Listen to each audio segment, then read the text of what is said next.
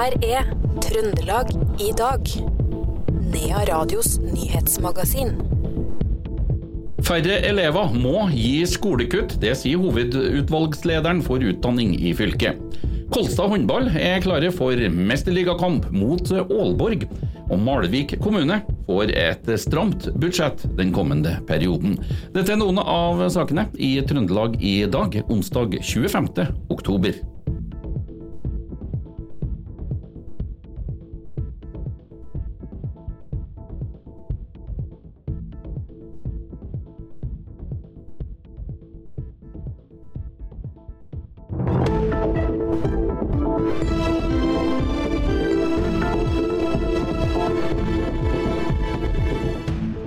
Men eh, vi starter med nyheten om at to menn fra Innherred i går ble pågrepet og sikta for voldtekt av barn under 14 år og seksuell omgang med barn under 16 år.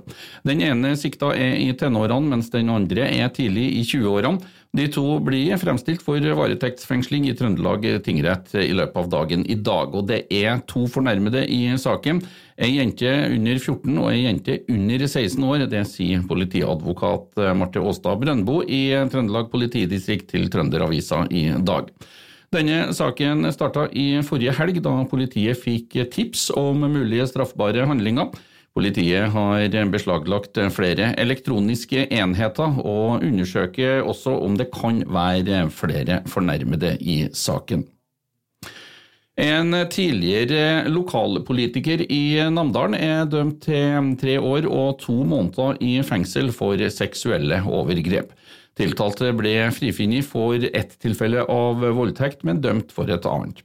Han ble også dømt for et overgrep mot sitt søskenbarn. Alle disse tilfellene skjedde for mange år siden. Mannen må også betale 510 000 kroner i oppreisningserstatning, det melder NRK.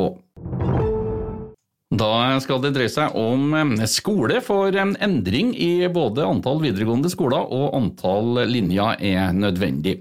Det sier Lill Harriet Sandøyne fra Fremskrittspartiet, som er leder for hovedutvalg for utdanning i fylkeskommunen. I går la fylkesdirektøren frem sitt forslag til budsjett og økonomiplan, og den viser at utdanningssektoren må belage seg på kraftige kutt. Ikke uventa sier Sandaune. Ja, Det var vel ikke overraskende eh, med de tallene som kom på bordet, og at eh, det nå altså legges opp til en innsparing i forbindelse med drifta av videregående skoler i Trøndelag. Eh, det har vi jo altså, fått en veldig påminnelse på i den høringssaken som har eh, vært ute en stund nå. Så det er klart Vi skulle selvfølgelig veldig gjerne hatt eh, mer penger å rutte med, men vi er nødt til å forholde oss til det som er reelle tall her, og finne best mulig løsninger ut ifra det. Nå har det jo vært kraftige reaksjoner, spesielt på det som går på kutt på ja, musikk, dans, drama. Et samla trøndersk kulturliv reagerer. Hva tenker du om det? Jeg tenker jo at engasjement er veldig positivt.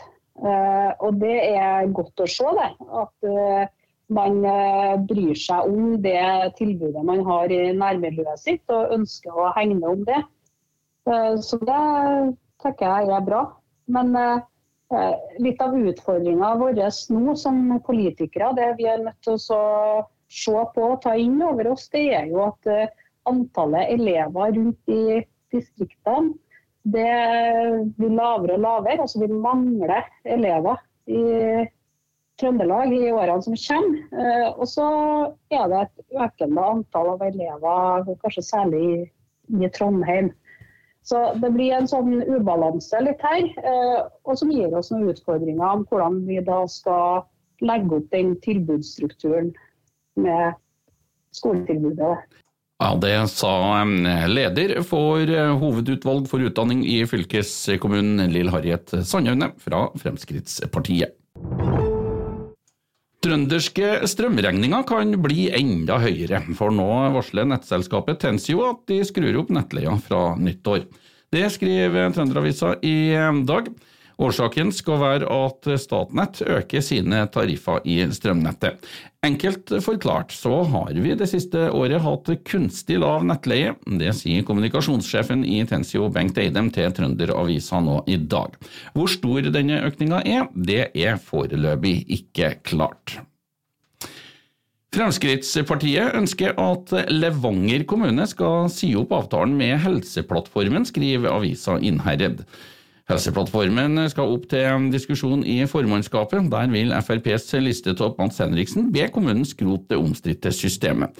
Det er hensikten til pasientsikkerhet som er grunnen til at partiet vil fremme dette forslaget. Og vi holder oss i Levanger en liten bit til. Kommunen øker boligskatten for eh, boliger og fritidseiendommer med 0,25 promillepoeng. Det viser budsjettforslaget fra kommunedirektør Peter Arnon i dagens formannskapsmøte. Det er Trønderavisa som skriver dette. Og Kommunedirektøren vil også at det skal startes nye diskusjoner om endringer i skolestruktur. Det politiske flertallet i Levanger kommune har lagt til grunn at dagens oppvekst budsjettstruktur er freda i valgperioden de neste fire årene. Og Vedtak om budsjett og økonomiplan det skjer i kommunestyremøtet i Levanger 29.11. Mange kommuner driver med budsjetter og økonomiplaner nå i disse tider. Kommunedirektøren i Malvik, Stig Roald Amundsen, han presenterte mandag sitt forslag til budsjett for 2024 og økonomiplan for de kommende fire årene. Han har tidligere uttrykt sin bekymring for økonomien i Malvik, og nå mener han det er tid for å ta økonomiske grep. Bakteppet er jo selvfølgelig den bekymringa jeg uttrykt tidligere. Altså, vi har uh, veldig høyt press på tjenestene våre. Så, og det økonomiske handlingsrommet til de fleste kommunene, også Malvik kommune, det blir, det blir strammere. Sånn at uh, vi er inne i en utfordrende tid hvor uh, et stikkord i Malvik kommune fremover det blir omstilling. Uh, fordi at det Presset på økonomien og presset på tjenestene det ser vi vil vedvare. og Da må vi gjøre kraftige prioriteringer på, på hva vi bruker tida vår og ressursene på fremover. Og hvis jeg kan oppsummere det, altså, det er jo prioriteringa rett og slett gjennomgang av det vi gjør. altså Arbeidsprosesser på, på tvers eh, av etater i kommunen. Og prioritere tiltak som bidrar til nyskaping og nye måter å løse oppgavene på. Vi kan ikke fortsette sånn som vi har gjort tidligere på flere områder.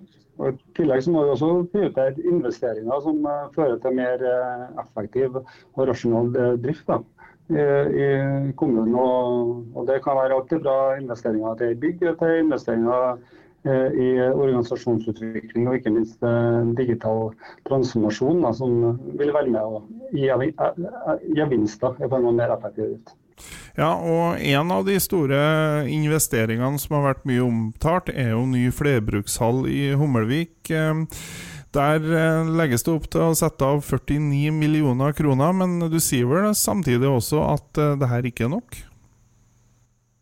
Ja, det stemmer. Vi, vi har den jo inn i handlings- og økonomiplanen fordi at den ble jo vedtatt i den gjeldende. og Det er jo fortsatt et veldig sterkt behov for den hallen både i forhold til våre egne tjenester og i forhold til lag og organisasjoner.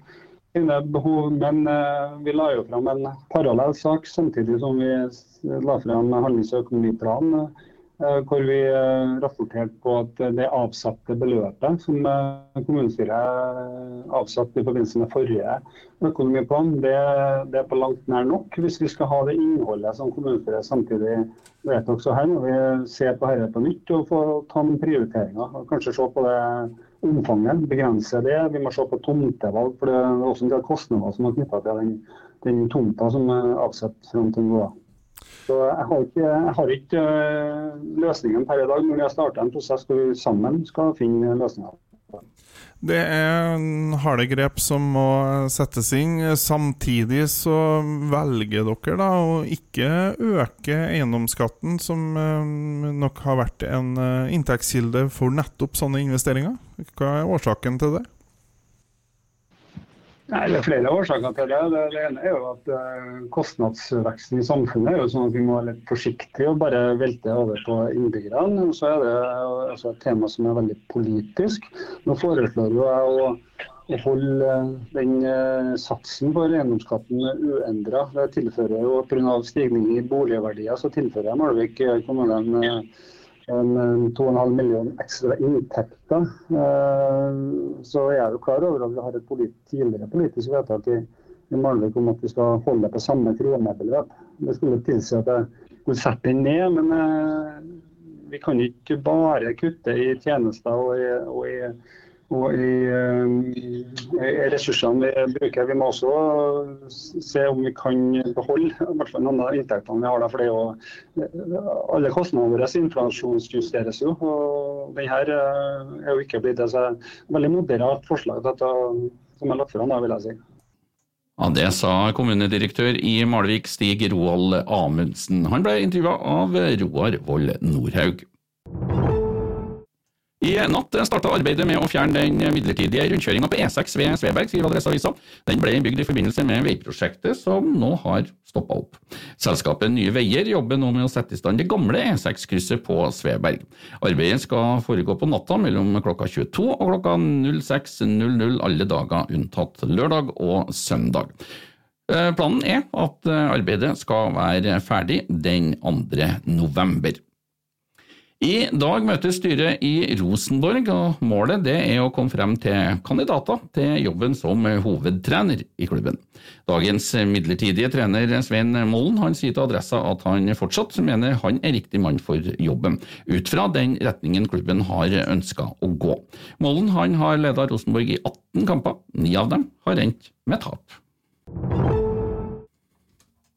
Litt mer eh, sport, sånn helt på eh, tampen.